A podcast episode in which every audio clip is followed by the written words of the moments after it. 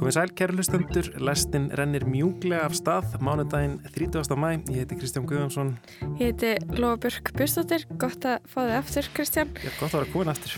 Umfjöldunaröfni lestarinnar í dag eru verandi verur, matur á leiðtóafundinum og stríðs áróður í Hollywood. Já, Top Gun 2 er vinsalasta kvikmynd heims um þessar myndir, mynd sem fjallar um orustuflugmenn í flottum enginnisbúningum með solgleru, kvítartennur og breyða kjálka. Mynd sem varpar jákvæðu ljósi á bandaríkja herr og herrþjónustu almennt, enda kemur herrin að gerð Top Gun eins og svo margra annara kvikmynda í Hollywood.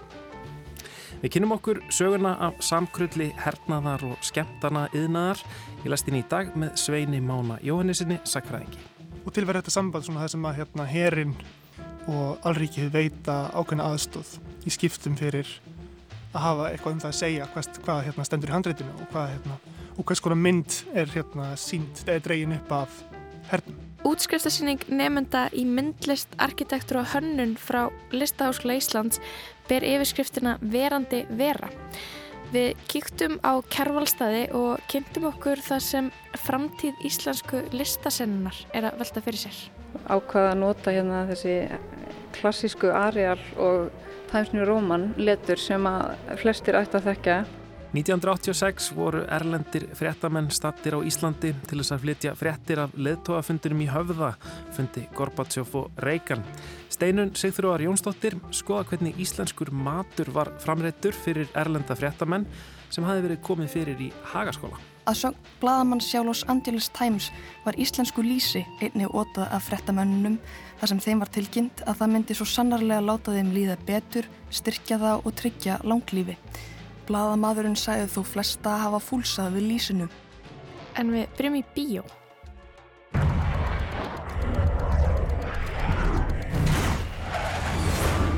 Everyone here is the best there is. Who the hell are they going to get to teach us? Þóttur, sprengingar, enginnisbúningar, sólglerugu, kvítar tennur, hetjutáðir og já, stórir kjálkar. Top Gun Maverick er komin í kvikmyndahús og það er ekki laustið að mann langi bara til að ganga í herin þegar maður horfir á myndina. Og þá er markmiðinu líklega náð að minnstakosti fyrir einn styrtaræðila myndarinnar sem er ju einmitt bandaríski herin. Captain Pete Maverick Mitchell. Let me be perfectly blunt. You are not my first choice. You are here at the request of Admiral Kazansky, aka Iceman. He seems to think that you have something left to offer the Navy. What that is, I can't imagine. With all due respect, sir, I'm not a teacher. Just want to manage expectations. Því hefur lengi verið haldið fram að bandaríkja herr hafi óheilbrið áhrif á framleiðslu efnis í Hollywood en slíku tali er oft sópað af borðinum sem samsæris kenningar en það samningar hersins og kvikmyndafráleðenda yfirleitt leynilegir. Á undanförnum árum hafa þó bladamenn og sakfræðingar farið að sapna saman upplýsingum um þessi áhrif bandaríkja hers á menningariðnaðin og kvikmyndaðinaðin í fortíð jamt sem samtíð. Tomorrow Never Dies, Star Trek 4, Lassie, Godzilla og Iron Man eru bara örf á dæmi en í nýleiri grein í The Guardian eru myndirnar sagðar vera um 2500 sem bandaríkja hér hefur komið að með einhverjum hætti. Og fyrri Top Gun myndin með Tom Cruise frá árinu 1986 er líklega eitthvað best hefnaða dæmið um áráðurskildi slíkrar samvinnum. En saga hernaðar áráðurs í popmenningu bandaríkjana nær þó mun lengra til baka. Ég held við getum alveg sagt að uppáðspunkturinn er fyrir heimströldin. Þetta er Sveitmáni Jóhannesson, nýdoktor í sagfræði, sem hefur meðal annars rannsakað samspil ríkisvalds og tæknithróunar í bandaríkjónum. Þá hérna fáum við að vissu leiti svona þess að nýja tíund af stríði, þessu svona allserja stríð, það sem verður mjög mikilvægt að hérna að afla samþykis frá heilu þjóðunum til að stiðja við stríði, ekki bara til að taka þátt í því, heldur líka til að, um, að taka þátt í það heima vígvellinum eða sparnaði sínum í að kaupa hernaðar skuldabref og annað slíkt um, þess að þetta fá fólk til að hérna, beita sér um, öðlu afli í þá uh, þjóðurinnar, í þá ríkisins. Það verður sér til þessi nýja þörf til að ná til einstaklinga á hátt sem að var kannski ekki til áður. Máttur skipulaðs ríkis áróðurs sýnir sig í bandaríkjunum þar sem að almenningur er almennt á móti þáttöku í fyrri heimstyröldinni framan af en skiptir hratt og öruglega um skoðun ekki síst vegna áróðurs í nýjum miðlum. Raun eftir stríð þá verður til svona þessi hérna, hugmyndum að hérna, þessi nýju samskiptamiðlar eins og uh, útvarp og kvikmyndir gefi valdhumum og bæði stóru fyrirtækjum og ríki uh, fordæmulegis og möguleika til í rauninni bara nánast að spröyta innihaldi uh, og skoðunum inn í hausin af fólki sem er alltaf svolítið íkt sko en, hérna, en, en svona ákveð mótvegi við hugmyndunum að allir einstaklingar geti fullkomlega metið og vegið og metið upplýsingar á einn fórsendum og, þá, og þetta er náttúrulega sjá við uppgangur fasismanns í, í Evrópu, uh, á Ítalju uh, og í hérna, Þýskalandi að það er þetta mjög mikilvægi miðlar í að, í að, í að endur móta tengslinn myndli þessar nýju tegunda leðtogum eins og Hitler og Mussolini og og uh, fjöldans.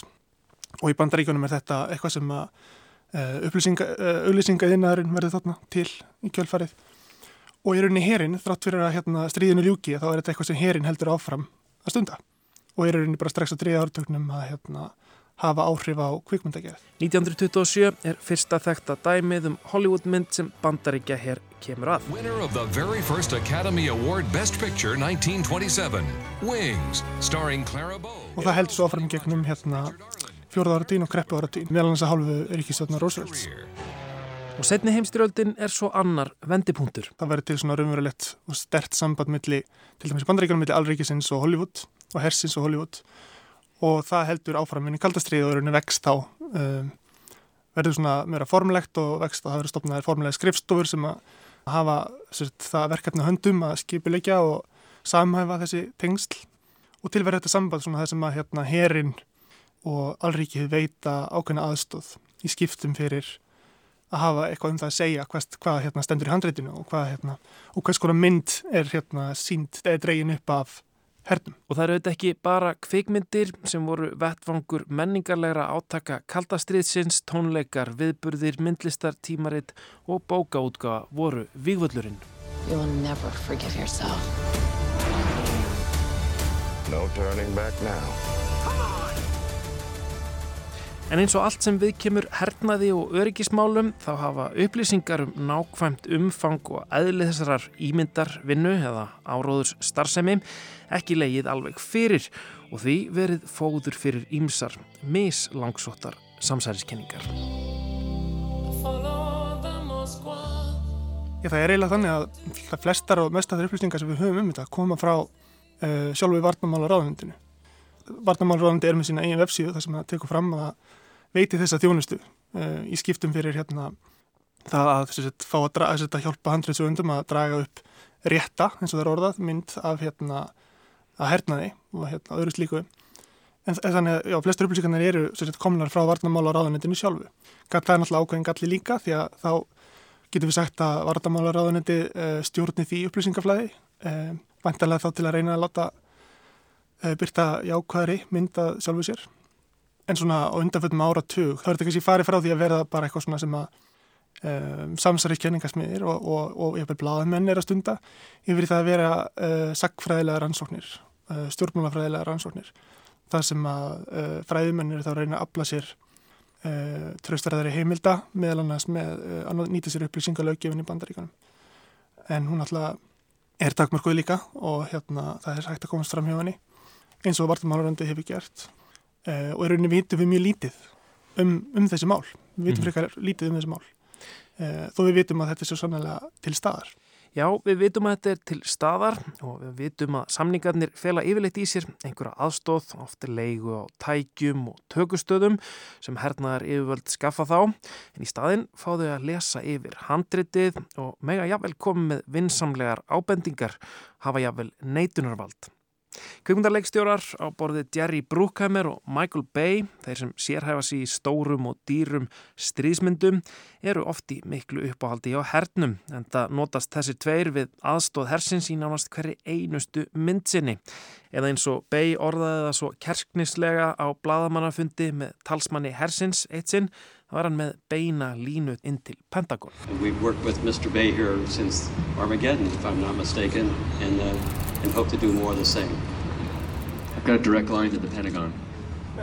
Er eh, hérna vitað, já, hvernig myndir er, er, þetta eru? Er þetta, er þetta alltaf séu bara svona stórar, stórar hérna, hetjulega stríðsmyndir? Mér skilur þetta sé alls konar efni, skemmtan efni. Uh, við vitum mér ekkert rosalega mikið um hvers konar efni þetta er svona kannski undarförnum um, 15 árum. Um, mikið bíómyndir, en líka bara vennilegir þættir, um, raunveruleika þættir, matrislu þættir og alls konar hérna, í rauninni bara alls konar þættir. Já. Það sem að uh, spjallættir, eins og Conan til dæmis. En í rauninni hugmyndin er svo að hérna, ennum leið og, og það er verið til eitthvað svona þörf í skemmtaniðina ennum hvort sem það er þáttur eða, eða, eða kvikmynd það sem að uh, snertir á einhvers sem að lítur að hernaði um, og það vantar einhvers konar uh, sérfræðþekkingu um hvernig á að uh, halda á málum að þá sagt, er Pentagon og herin með hérna, skrifstofu sem hægt er að leita til til að, að fá svörin, fá lausninnar We're going into combat on a level no living pilot's ever seen. Ég veldi fyrir mér sko hvort að þetta sé já, varhugavert. Er þetta eitthvað annað heldur en ég meina, er ekki alltaf bara þeir sem eiga peninga, þeir, þeir hérna reyna að nota þá til þess að hérna halda á lofti sínum, sínum gildum einhvern veginn. Um, já, herin í bandaríkjunum á mikið af peningum, hérna, um, já, er, er þetta ekki bara eitthvað sem að, sem að, sem að viðgengst út um allt einhvern veginn?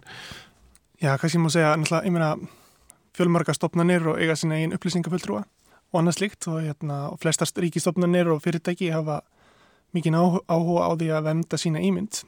Uh, einhverju leiti er þetta hluti af því en kannski má segja að umsvifin og áhrifin á þennan skemmtan eðina sem hefur náttúrulega mjög mikil áhrifir ekki bara bandaríkanum heldur út um heima allan og svo hversu hérna, uh, mikil áhrif á handriðskerð og, hvers, og st stýrað ímynd þessu stóra batteri sem er bandaríski herin en það er á, held ég, það með ég alveg segja þessi svolítið varhugavert að herin fái að stýra svona upp á þessu marki hvaða mynd við höfum að herna því og opeldi uh, og, bara, og opna notkun og öðru slíku mm -hmm. og það hefur verið bent á það í í umræðinni tengslu við skotar á sér í bandaríkanum að það sé ekki endilega bara nóg að banna fleiri skotvopn þó það sé vissulega jákvæmt skref að það sé eitthvað uh, djúbstæðar í menningunni það sem er svona upphafninga opeldi og vopnum og vopnaburði og það hérna sé ekki hægt að skilja frá uh, skemmtanina My dad believed in you. I'm not gonna make the same mistake. Þær myndir sem fá stuðning bandarækja hers eru þær myndir sem sína hernað, herþjónustu, vopnaburð, stríð og ofbeldi í jákvæðu ljósi. En hinnar sem ætla sér að sína margvíðari, jáfnvel gaggrítni mynd, fá ekki aðstóð og kenningar eru jáfnvel uppi um að steinar séu lagðir í götu þeirra.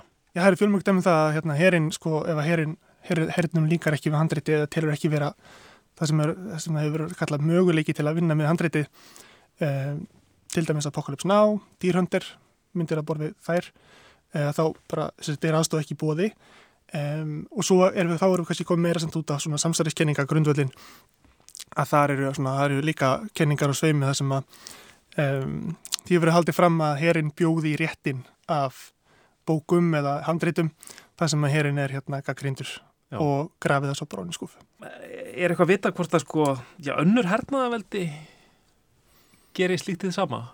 Já, þetta var náttúrulega um, þetta er eitthvað sem öll ríki gerði þess að 2000 og Ítalija, Þískaland, Þískaland að vissuleiti masteraði þetta fag. Um, samband hérna Þíska nazista við Þíska uh, kveikmyndaðinaðin var af að náið Sovjetríkin sjálfsögðu engin undirtegning og það er kannski mikilvægt að taka fram að, hérna, að samskipti bandaríska hersins við hérna, Hollywood er ekki sambarilegt þessum uh, aðræðisríkjum á 20. höldi að þú, þú þarf ekki að segja um leiði í bandaríkanum frá hernum til að byrta, til að gefa mynd. Það er bara raunin þetta herin gerir þér auðveldara fyrir að mörguleiti uh, en ég gerir svona ráð fyrir því að, hérna, að flest, ég meina öll ríki stunda ára og starfsemi í einhverju formi. Mm. þannig ég gerir ráð fyrir því að flest ríki eða eru með kvikmyndið innað, inn, innan eigin landamæra þá myndi þau beita sömur ráðum. Sambarlega ráðum. Sveitin, ertu búin að sjá Top Gun 2 hérna, Maverick.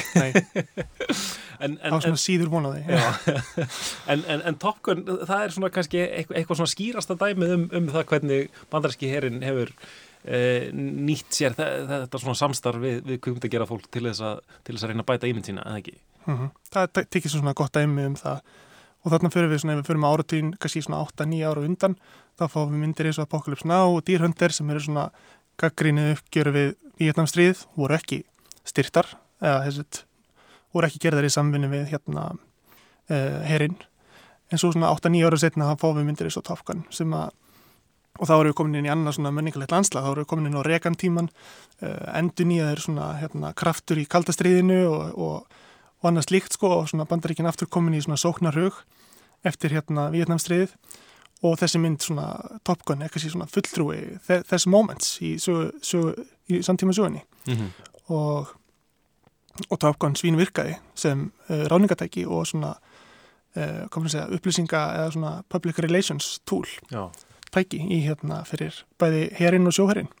Já, þannig að, þannig að hérna, ungt fólk hérna, flyktist, flyktist í að, að skrá, láta skráða sig í herinn eftir, eftir fyrirmyndina. Uh, mér skilst það að það sé hérna að það voru einhvers konar 500% hérna, aukning í hérna um, í hérna skráningum í herrin. En, en þessi mynd þá núna í dag, ef, ef, ef fyrirmyndin komaði einhvern veginn í kjölfar Vietnamstríðsins eh, þegar það voru engin, engin stríðsátök í, í gangi, hérna, getur við einhvern veginn lesið, lesið hvað þið verið að reyna, reyna að gera nákvæmlega núna? Um, hvernig, hvernig, hvernig Top Gun 2 talar við samtíman? Ég hugsa að það sé svona, bara, við getum lesið það svona inn í bara stefnumótun uh, bandarska hersins og bandaríkjana og, uh, á alþjóðavettvangi og uh, bandaríkinn hafa aldrei verið með stærri hérna, hafa aldrei sagt, veitt meiri fjárhæðum til hernaðmála en núna í ár. Uh, það er unni, útgjöldin eru hærri í dag en á hápundi katastrísins og herinn er að byggja sér nýja stefnur í hérna með áherslu á Asíu, núna sjáum við náttúrulega Ukrænstriði, þá var ennþá bætti og áherslu, vantarlega nýja áherslu á uh, Rúsland og annað slikt og ég gerir bara ráð fyrir því að þetta er hluti af hérna því að herin er náttúrulega að marka sér uh, stöðu til framtíðar.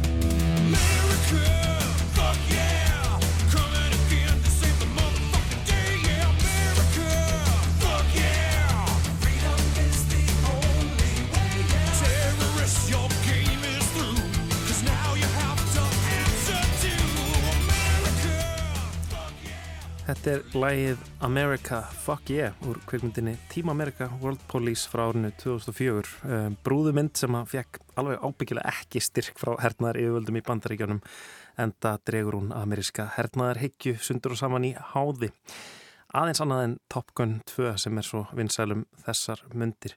En fyrir áhuga fólk um, um þetta samkrull hernaðar yfirvalda og skemmtana yðnaðar í bandaríkjunum þá um, má benda á vefsíðuna spyculture.com sem að bladamæðurinn Tom Specker heldur úti og hann er svona stöðut að rýna í ný skjöl sem koma út um, um þetta efni og er að skoða svona til dæmis munin á, á, á frumdraugum að handritum að einsum bíómyndum og svo eftir að uh, hernaðar yfirvöld hafa komið að þeim Um, nýjasta sem hann er að skoða er hvernig Don't Look Up myndir sem var á Netflix um, um áramótin vinsal um, sem var almennt svona álitin vera svona gaggrinin á bandarinski yfirvöld og, og hitta þetta. Um, hvernig hernaðar yfirvöld uh, komið að henni. En allavega, það var Sveit Máni Jóhannesson sakfræðingur sem að spjallaði við mig um málið. En já, kaldastriðið, það bar aðeins á góma í þessu einslægi og það er líka vettvangur næsta einslags, eða ekki, Lóa? Jú, mikið rétt, Steinun Sigþróðar Jónsdóttir heldur áfram að skoða mat í sögulegu samhengi. Já, það er haft á orði að þessa dagana séu Íslendingar komnir í ástandið. Því engu er líkara en allir higgi á gróðasinn í kjölfara leðtúafundarins og alls þess gífurlega umstang sem honum fylgir. Allt er í hershöndum í Reykjavík og borgarbúar dotnir í ástandið. Allir reyna að notfæra sér þetta dæmalausa ástand til að óta sínum tóta.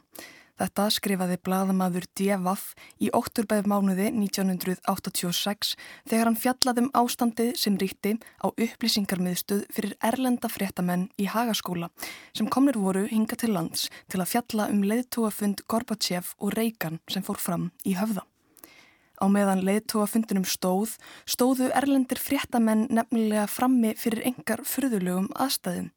Þeir höfðu vissulega lagt leið sína til landsins, sumir yfir halvan hnöttin, til þess að flytja fréttir að fundi stórveldana.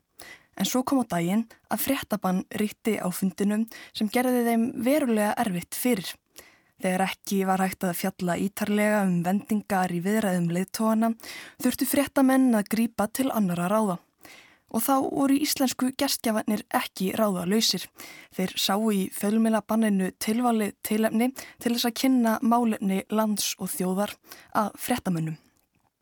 Ef til vill, ef ekki hefði verið fyrir þessar annarlegu aðstæður, hefði þið ekki fengið upp í hendunar þá gersemi sem sjónvarsklippan á Stengrimi Hermannsinni á sundskílunni að ræða styrkleika landsmanna er en viðtalið var einmitt endur gert í sjómarþóttunum verbúðinni nú á dögunum. Mr. Prime Minister, why do you think Mr. Reagan and Mr. Gorbachev were so adamant about having this important summit being held here in Iceland of all places? Geographically, I'm standing with one foot on the North American plate and another foot on the Eurasian plate. So America is here and uh, Russia is here. And in between is the perfect and peaceful spot to end the Cold War. Icelanders are known for your Viking heritage and you're celebrated for the sagas, but more recently you're known for the vast amount of beautiful women this country's produced. Gorbachev og Reagan áttu þannig að vera í forgrunni í umfjöllun erlendra penna en eftir að stein var lagður í götu þeirra var það mannlífið í Reykjavík og saga landsins sem fekk sínar 15 mínútur af fræð. Kaff var lagt á það að tryggja frétta fyrstum fréttamönnum viðfangsefni yfir helgina, líkt og einn íslenskur bladamæður komst á orði í frétt sem fjallaði um lengtan opnunatíma samna í Reykjavík. Þannig átt að beina sjónum fréttamennaði íslenskri menningu sem gestgjöfum þóttið að sjálfsögðu príðilegt fréttaefni.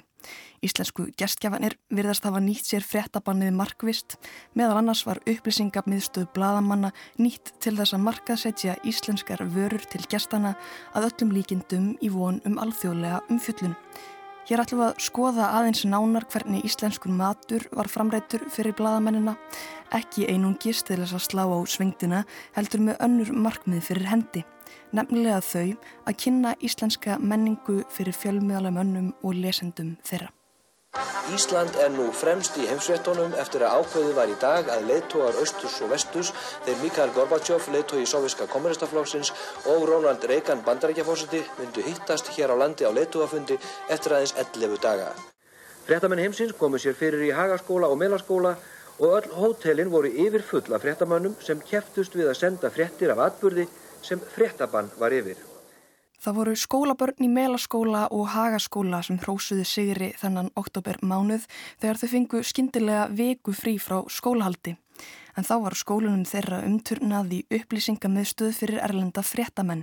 Símalínur voru lagðar, aðstæða fyrir sjónvarp, útvarps og bladamenn var útbúin og í Íþróttahúsi Hagaskóla var að finna samkomusal fyrir fréttamenn þar sem íslenskar vörur voru kynntar fyrir gestum og léttarveitingar voru framreitar allan sólarhingin. Íslenskir fjölmiðlamenn leggja margir hverjir áherslu á góðar viðtökur gestana. Þeir tóku tal af erlendum fjölmiðlum þar sem þeir voru spurðir út í það hvernig þeim fyndist maturinn sem var á bóðstólum. Sumir segja hangikjöti, rækjunar og síldina slá í gegn. Arir eru hrifnistur af hörpudisknum og fisknum. Þá verðust bladamenninir einnig taka vel í það sem titlað er ein nýjasta útflutningsvara landsmanna, nefnilega Íslenskt lindarva í fernum. Bruno Storm frá Þíska sjómarpinu á þannig hafa sagt vatnið vera stert og gott þó það væri betra ef það væri örlítið viski í því.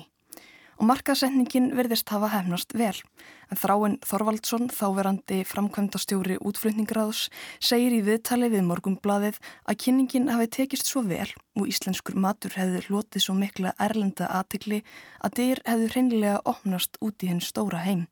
Leðtúafundurinn hefði raunað sparað útflutningsráði kynningarvinnu til margra ára. Þó voru ekki allir sáttir við viðtökur gestana en einum talsmanni útflutningsstofnunar þóttu fréttamennir ekki mæta nægilega vel í Íþróttahúsið og spyrst þið hvað þeir gera eiginlega á kvöldin. Hvað eru þessir erlendu bladamenn eiginlega að gera á kvöldin, segir hann. Setja þeir eftir vill upp á hótelherbergjum og drekka einir, bætir hann við. En ef markam á viðtölvið suma erlenda fréttamenn hafa margir þeirra reynlega verið að kvíla sig eftir langan vinnudag nú eða halda skrifunum áfram. Eftir vill hafa þeir ekki verið tilbúinir í vörukynningu af vinnudeginum loknum. Og ég held að kannski mesti ávinnungur okkar í sambandi við, við þetta. Allt saman hafi verið það þessi að svo almenna kynning sem við þurfum að láta fara fram erlendis. Ísland er ekki mjög vel þekkt og við getum að stitta okkur mjög mikið leið með því að Ísland hefur komist á kortið og að markaðsetning og markaðsetning á vöru og þjónustu og alltaf ferðamálum er langtíma framkvæmt sem meðal annars fælst í því að kynna Ísland og það sem að hvað Ísland er og uppbrunnan og við getum með þessu móti spara og höfum með þessu móti spara okkur margra mánaði ef ekki margra ára vinnu fyrir utan náttúrulega peninga og annað sem að þetta hefði annars kosta. Fjölmiðlabanniði var einni nýtt á beinskittari hátt í markasetningunni þar sem forvinni erlendra fjölmiðla var vel gert að aðhlátursemni. Sölustofnun Lagametis sem framleiti íslenskan dósamat framleiti í takmörkuðu upplægi dós undir formerkjunum Blackout og að merki með að dósarinnar var hún sögð hafa geima fund Reykjans og Gorbachevs en hana mætti ekki opna nema algjört fréttabann ríti. Þegar dósin var opnuð af forvittnum fjölmiðlamönnum var það þó einungis að finna lítinn miða þar sem stóð bjánindinn einungis í algjöru fréttabanni og í þess móti finna í dósinni auglýsingu fyrir sölumistuð lagmætis. Að sögn Bladamann sjálfs Angeles Times var íslensku lísi einni ótað af frettamönnum þar sem þeim var tilkynnt að það myndi svo sannarlega láta þeim líða betur, styrkja það og tryggja langlífi. Bladamadurinn sæði þó flesta að hafa fúlsað við lísinu en sæði bóðið þó varpa yngar fallegu ljósi á eldmóð gestgjafa sem nýttu hvert tækifæri í kringum leðtúafundin til þess að auglisa land og þjóð og allt það sem Ísland hafði upp á að bjóða. Það er áhugavert að velta fyrir sér þessari áherslu á markasetningu matvæla fyrir erlenda gesti á meðan leðtúafundinum stóð. Í ljósi þess að umræða um kvalveiðar Íslendinga og andstæða bandarískra yfirvalda við veiðarnar var nokkuð hávær þetta árið. Á fundi um kvalveiðarnar voru til dæmis samlokur á bóstólum og vakti það aðtikli að sjávar útvegsráð þegar hann Haldur Áskrimsson fúlsaði við bröðmettinu. Útskýring hans fyrir erlendum fréttamönnum var einföld það var einfallega ekki kvalakjött á samlokunum. Að sama skapi er létt skotið á kvaladeiluna í DFF þar sem fjallað er um mötuneytið í Íþróttasal Hagaskóla. Þar er bent á það að ekkert kvalakjött hafi til þessa verið matreitt fyrir erlendu gestina en í sömu andrá í að að því að það hljóti að breytast. Öllum sé nefnilega ljóst að kvalakjött megi framreiða á engar ljúfengan hátt.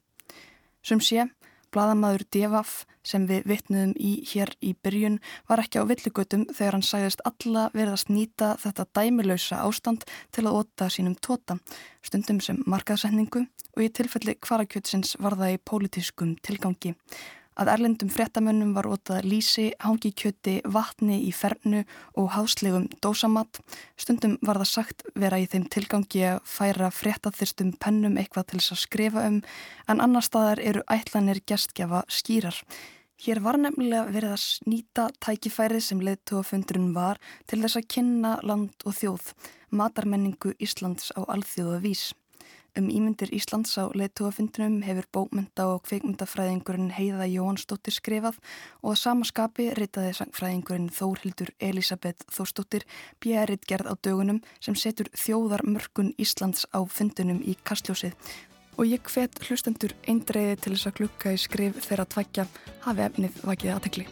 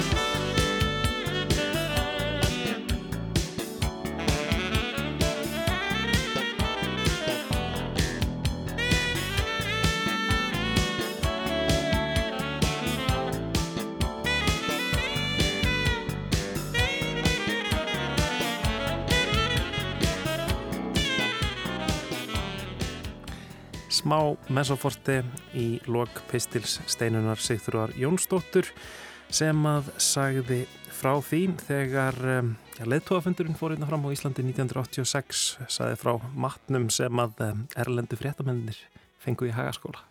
En í gær var síningin verandi vera tekið niður en hún stóð yfir í viku á kervalstöðum. Þar síndu útskriftanemar í listaháskólunum í myndlist, hönnun og arkitekturdeild afrakstur þryggja ára bíanámsins. Við kíktum í heimsókn áður en að síningunni lauk og náðum tali af nokkrum nefndum sem sátu yfir.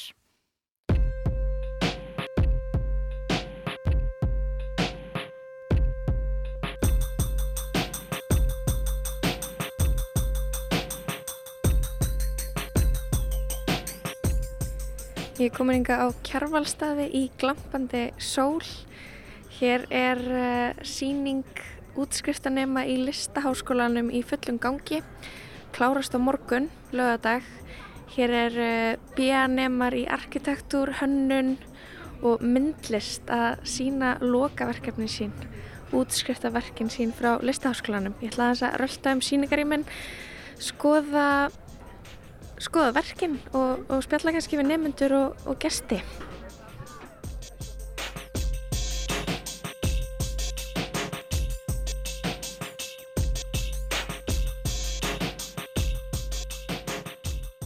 Ég heiti Haldur Karlsson og er útsýttanemi hérna þrið ári í fatuhönnun í Allá í. Hér kennur Ímus að grasaða mikið af fötumina úr uh, alls konar efnum og það er margt í gangi samt smá svona heldrætt svipur yfir þessu svona, ég veit það ekki mest mm. einhvern veginn alveg svona smá einhvern veginn sama, sami fílingur í þessu erstu, sammála því eða? Ég er alveg svona smá sammála því en samt finnst mér alveg svona áhugavert hvað það er allir að gera eitthvað öðruvísi sko. Það gæti verið bara því að allir gínar eins eða eitthvað svona þannig fílingur sko en það er allir uh, með mjög svona sérstakt verkun allavega en jú kannski heldur fílingur sem að, sem að sérst sko. Hvar er uh, þín fött? Mín född er hérna beint fyrir framann okkur á pallinum hér. Ok, fyrir maður að segja þessu. Mm -hmm. Hérna eru kúrikastífel og gallaefni og leður og, og alls konar. Hvað, hvað eh, varst að pæla hérna þegar þú varst að hanna þetta og sauma þetta? Sko, ég ákvað svolítið bara að henda mér svolítið í uh, kúrikadjúbulegina sko. Mm. Og ég skoðaði mikið född eftir Nudie Cohen sem er svona 60's hönnur uh, sem að gerði eiginlega svona Rhinestone Cowboy fræðan, eða kannast við hann sem er bara svona super glamour uh, country söngur að klæðinaður eins og, eins og Elvis var kannski oft í einhvern eins og leis mm -hmm. um, og að blanda þessum svona super flamboyant glamour uh, kúrika við alvöru kúrikan sem er þá bara að vinna búkarinu, svona búkarsfjarnar en samt svona einhver veitir líka að modernize in a way og nota svolítið útsaum sem útgangspunkt í öllu þessu.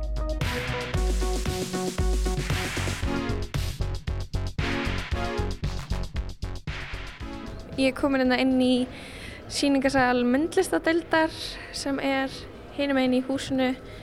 Hér kennir Ímus að grasa og ég er komin með útskriftanema í myndlist sem ætlar að segja mér frá sínu verki og kannski einhverjum verkum samlunda sinna. Uh, ég heiti Katrín Sirru Hvað er verkið þitt, segiru? Það er hérna við setni útgangin eða yngangin, hann er hvort. Um, það setur hérna uh, sex dauðagrímur inn í dökkgræni vítrínu. Hvað getur þú sagt mér um þessar dauðagrímur? Ég held að, að dauðagrímur hafi uppröðin að byrjað í Fraklandi en það geti, ég geti að vera rámt fyrir mér að þetta er svolítið laung hefð í um, alveg frá í uh, sumum indigenous menningum í, í Kanada sem hafa gert leirgrímur af fólki svo í Greiklandi voru uh, gullgrímur af hermunum sem dói og svo uh, í Fraklandi í kringum 1700 og sorgál þá var tekið um, döðugrímur af mikilvægu fólki mm -hmm. Hvaða tilgangi þjónar eiginlega svona döðagríma? Svona Uh, hún er bara sett á, á, á líkið um, Nei, þetta er svona að taka mót af líkinu. Eftir að einhver, það er til lífgrímur, í rauninni grímur sem voru teknar af mikið fólki með þeir voru ennþá lífi. En dauðagrímur voru svona eiginlega svona það síðasta sem listamæðurinn gæti gefið frá sér. Og uh, ætti að vera svona mynd af manneskinni sem væri þá raunverulegri heldur en um, heldur en bara málverk eða lýsing af manneskinni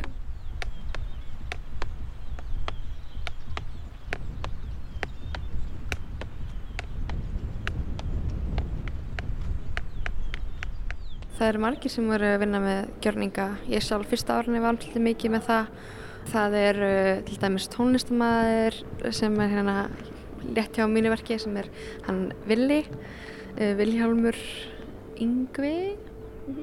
Um, hann er bara æðislega listamæður en líka gera tónlist og það er rosalega áhört að sjá svona, það er lítil hljómsveit inn í gatinu hérna.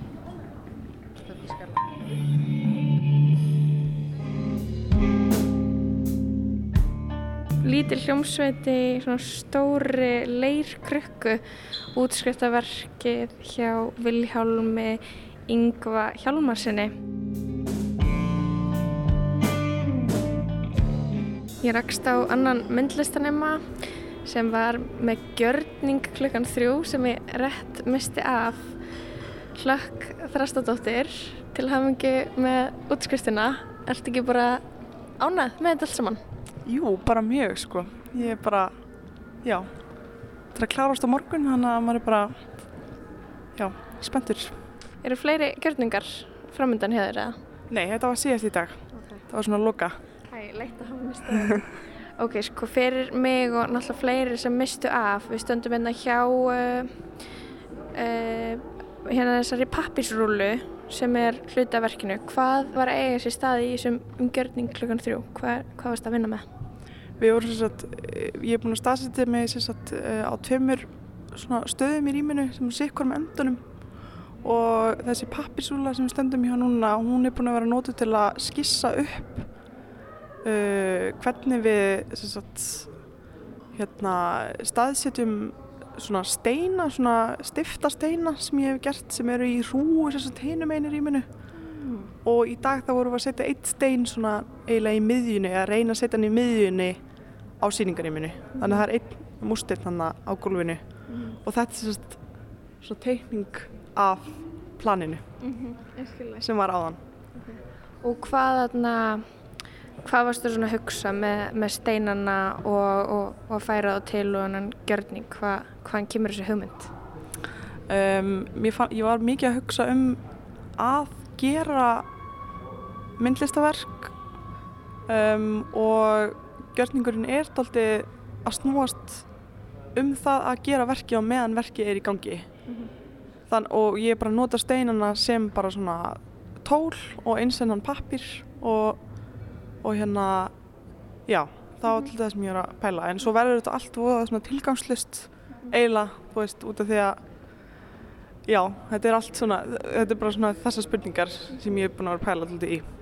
Hvers vegna verður þér uh, heldur að þér verður svona tilgangsleysi hugleiki svona þegar þú ert uh, að vinna þetta verk, er eitthvað svona hvaðan kemur það eiginlega?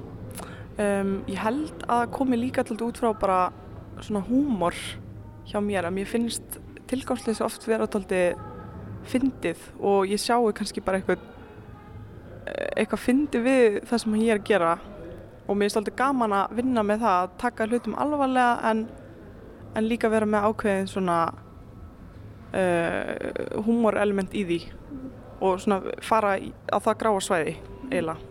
Eru þið, þú veist, að hittast reglulega bekkurinn og veist, eru þið svona að fara yfir að með hvort öðru hvað þið eru að gera og þurfum við að vera útskýrða mikið? Já, alveg hérna, við erum, ég veit ekki hvers sko, við erum búin að tala svo mikið um allt sem er í gangi. Ég held ég minn aldrei tala svona ótrúlega mikið um það sem ég er búin að vera að gera. Þetta er mjög mikið þannig ná að snýst eiginlega einungis um samtalið og kennararnir eru alveg búin að vera með okkur í því allan tíman og hérna bara svona ómissandi sko Hvernig, hver er staða myndlistarinnar eða hlutverk myndlistarinnar á þessum tímum sem við lifum á hlakk núrt þú útskrifast og listin á mig hvað hva, hva ert að hugsa í sambandi við þetta allt?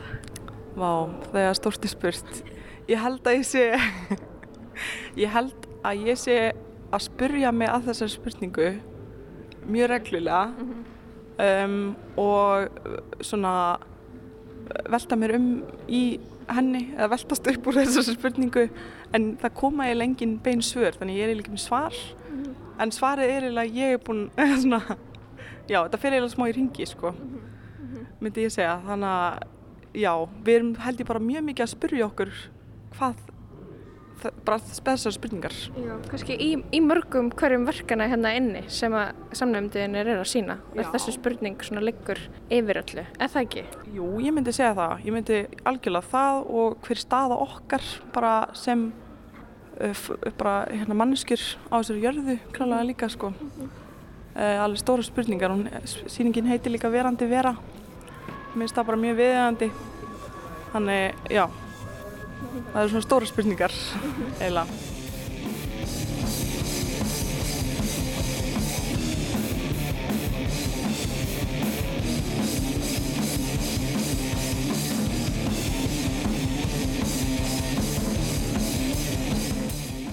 Ég heiti Kolbeinn Ringur Bambus Einarsson og ég var að klára arkitektur. Getur þú kannski sagt mér aðeins frá verkinniðinu það er eitthvað svona aðeins öðruvísi á þínu borði heldur en í hinnum þú ert, það er svona módel allstaðar og þú ert meira möppu.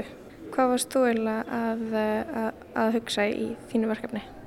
Ég er að vinna með sjónræn tengsl og mikilvægi kunningasambanda ég vildi reyna að setja upp viðegandi útfærslu við verkefnið og, og það var að reyna meðleysu á, á sjónræna máta sem myndi hafa eitthvað já, kannski eitthvað örlittla þýðingu fyrir, fyrir áhörvendan. Mm -hmm. Getur þú sagt mér aðeins meira frá The Orb, hvað er það? Orb er gluggi og í gegnum hennar glugga sem er í rauninni einhvers konar objekt mm -hmm. sem hælætir þetta samband á milli fólks og í gegnum The Orb uh, sér maður fólk og er, er séður og í gegnum sem sagt að, að setja vægi á, á þessi sjónræn tengsl.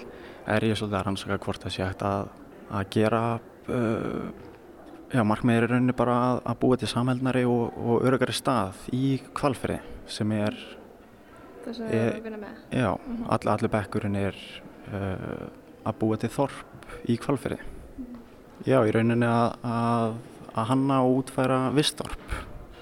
Hvað er eiginlega vistþorp? það er, það er, það er stóra, stóra, stóra spurningin, e eitthvað sem er, er vistvænt og, og, og sjálfbært og, alltaf sé ekki góðu staður, góðu staður til að vera á.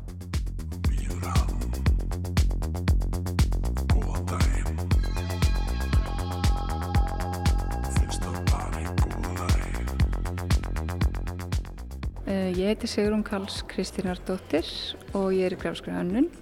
Og við stöndum hérna fyrir framann bláan vegg og það stendur bestu hvaðir leir og postulín.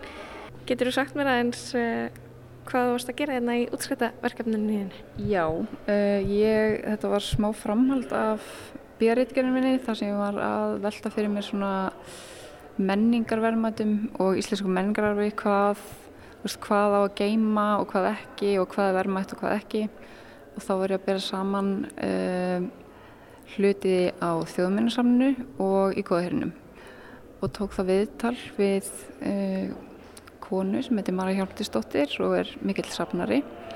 Og hún bendi mér á þetta fyrirtæki, Leira Postulín uh, sem hafa prentað eða já, prentað á botla í um það byrj 40 ár og geimt sínusotn af bollanum sem það var prentað á. Þannig að ég uh, fór í heimsókn og var á fjall í stafi þegar ég kom inn. Það var svo mikið af logoum og merkingum og alls konar. Og svo var náttúrulega síning 2020 á bollanum frá fyrirtækinu sem að um, voru eitthvað um 600 talsins. Þannig okay. í Open Gallery? Já, Já, akkurat, í Open og þá voru fengnir listamenn og hinur og þessir til þess að gera bolla fyrir síninguna sem var mjög skemmtilegt. Um, þannig að ég bara í rauninni skrásetti bollana og það var mikil vinna að hafa uppi á sko hvaðan þeir kæmu, hvað fyrirtæki ætti tiltekinn logo þannig að ég var mjög mikið svona þurfti að setja með spærahattin og var inn á tímaritt.is og mm -hmm. Var það stundum óljóst, stóð stundum bara eitthvað bless eða mynd af sól og þú bara, ég veit ekkert hvaðan það kemur? E, já, það okay. var mjög oft þannig sko og svona síðustu metrónum náði ég einhvern veginn með mætti Facebook að hafa upp á síðustu bóllanum þannig að já, þetta var mikið svona Þú varst bara í spæjaravinnu, en, en svo er útkoman eitthvað, hvað er í þessari bók? Bókin er svona, er svona hún er aðal sko og þetta er raun uh, bara smá ingangur frá mér þar sem ég er að pæla í bara menningararfi og svona setja í samhengi við það sem að af hverju ég hafði áhuga á efninu. Uh, Bræi Pál Sigurðarsson, rítvöndur, skrifaði smá svona hugleðingu um bólasafnið þar sem hann er að velta fyrir sér bara kaffi og ílátum almennt. Mér finnst þessi lína svo góð hérna hjá honum. Loka setningin, kaffið stelur nefnilega öllum ljómanum á meðan bollanir vinna alla vinnuna. Það er sannleik skvörðin þessu. Þannig einhvern veginn lokaverkunni, það er þessi rannsókn en svo er einhvern veginn útkoman svona þess að síni fólki hvað þú lærðir í námanu, það er hérna umbrotið og leturvalið og allt, allt þetta fer mjög mikil tímafreg vinna í þetta jafnframt að hafa upp á öllum, bollanum. Já, uh, hönnunin var smá fyrir barðinu á rannsóknarvinni en mér tókst samt, ég er ána með útkomuna, uh, ákvaða að nota hérna þessi klassísku Arial og Times New Roman letur sem að flestir ætti að þekka. Þú eru það ekki í náman einhvern veginn að hanna eitthvað eigin letur eða Jú, það er náttúrulega bara allir gangar á því sko. Það er rosa sérhæfing að læra að vera leturhannur og það er mikið marathón. Það tekur mörg ár, eh, myndi kannski... Maður vippar því einhvern veginn ekki út fyrir lókarkunni sett eitthvað nýju letri? Mm, sko já og nei, það er alveg hægt að gera það og það hafa margir gert það. En kannski ekki sko í... Þú gerir það ekki samhliða því að gera 300 blaðsuna bók. Okay. Kæf, ertu með mynd af öllum bollunum eða? Já. Hvað, er, hvað segir þetta séu margi bollar? Sko, uh, sömur voru, þá eru sömur sem voru, sko, þá voru nokkur eintök af sömum, þannig að ég settið ekki alltaf alla símabollana eða þeir voru nákvæmlega eins. Þannig að ég held að þetta veri svona 550 bollar sem var rötuð í bókina. Erstu með eitthvað uppbólsbolla sem til ég að sína mér? Já, sko, á blaðsíðu 180 er bolli. Svo er þetta skipt um pappir, hérna ertu með matt, nú erum við komin yfir í glans. Já, glansin er svona í anda pórþulinsins. Uh, myndirnar, hljósmyndirnar á bollanum er á glansandi pappir og textin er á, á mattan. Uh, þetta er uppáhaldsbolli minn. Hvað stendur hér? Þetta er bóðskort, Íslandsbanki létt prenta þennan bolla og hér stendur ágætti viðtakandi. Íslandsbanki skútuvogi býður þér til kynningar í útibúinu förstu daginn 20. februar á milli klukkan 17 og 19. Ólaur Áskirsson og Einar Pálmi Sigmundsson frá viðskiptastofu Íslandsbanka flytja erindi um gengisáhættu og áhættu stýringu auk þess sem búið verður upp á léttar veitingar með vonum að þú getur nýtt þér tækifærið til þess að kynast þjónustu bankars og spjalla við forsvarsmenn annara fyrirtækja í hverfinu okkar. Og svo er hvaðið bara frá starfsfólki Íslandsbanka bæði skú, í Skúðvói og á Dalbrut. Það er ótrúlegt að koma þessu öllu fyrir á einum bolla, þetta er bara svona eins og heil rítgerð sem fyllir út allan bollan og hvað áttu svo bara að vera að drekka úr bóðskortinu þessum eftir er ræðið hérna? Já, þetta er einmitt svona, uh, þetta er þið líklegast ekki gert í dag sko.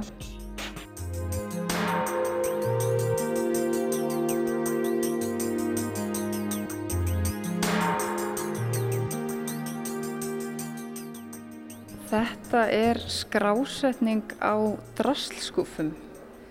Uh, Patrikur Björgunsson, bekkjabróður minn, var að rannsaka skipulag drasslskúfna, fór heim til fólks og fekk að róta eins og skrásetja hlutina í drastlskúfunum og var að reyna að finna svona eitthvað megin eh, stef hvað er fólk að geima er það, þú veist, snúrur kveikjarar uh, þú veist, hlutir sem að eiga einhver samastað svo skrásetna þetta mjög vel sko, og skipulega með því líkri, því líkri nafni og var, þú veist, kom fram við þetta svolítið eins og þetta væri einhver fjársjóður.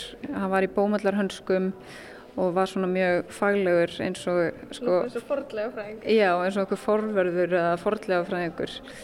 Um, Mér er svolítið áhugavert að sjá hérna allavega þessi þrjú verkefni sem við erum búin að tala um það svona Uh, næstu eins og við séum sko okkur líka bladamenn eða það geti, veist, það geti alltaf verið eitthvað þáttur. Uh, þannig að þeir eru ekki rauninni bara að fá hugmynd um eitthvað svona útlit og hönnun og uppsetningu heldur er þið búin að veist, leggja því líka vinnu í svona innblástur og þannig að þú veist, eða með svona hugmyndi mann sem kannski hvað grafísk hönnun er þeim svolítið svona augrað hér. Eða er þetta eitthvað svona auka lag? Sko verkefnið um, þarf náttúrulega, það er mjög mikilvægur partur af verkefninu, útskrittaverkefninu að finna hugmynd og láta hana virka og að rannsaka eitthvað. Þetta er ekki bara, veist, að henda einhverju upp í layout um, og mér finnst það til dæmis, það sem heitlaði mig við gráfiska hönnun var einhvern veginn að, veist, mér finnst gaman að skrifa texta, mér finnst gaman að taka ljósmyndir og mér finnst gaman að, veist, gera layout og þannig getið samin að allt sem er skemmtilegt að gera í einum miðli.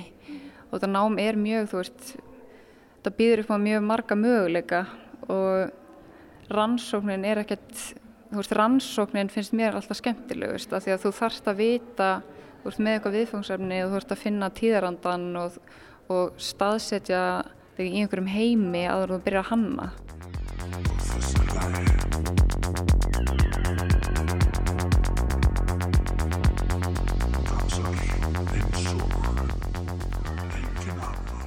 lagið bara í góðu með kraftgalli vorum hann að ræða við nokkra nefnundur eða útskrifta nefnundur úr listaháskólanum. Já, ég er svolítið svektur að hafa ekki náð að komast á síningum ég veist alltaf að vera svona svolítið uh, stór viðburður. Þetta er svona hluti af byrjun Algjörlega þegar útskrifta síning listaháskólans fer fram. Já, það er alltaf gaman að kíkja, allt svo mikið í gangi. Veit það, en hún stendur alltaf aðeins og stutt yfir. Þetta er bara vika sko. En já, lestin verður ekki lengri í dag við Kristján og Lóa verðum með náttur á sama tíma á morgun. Tagnum aðra Lítiða Gretastóttir. Verðið sæl.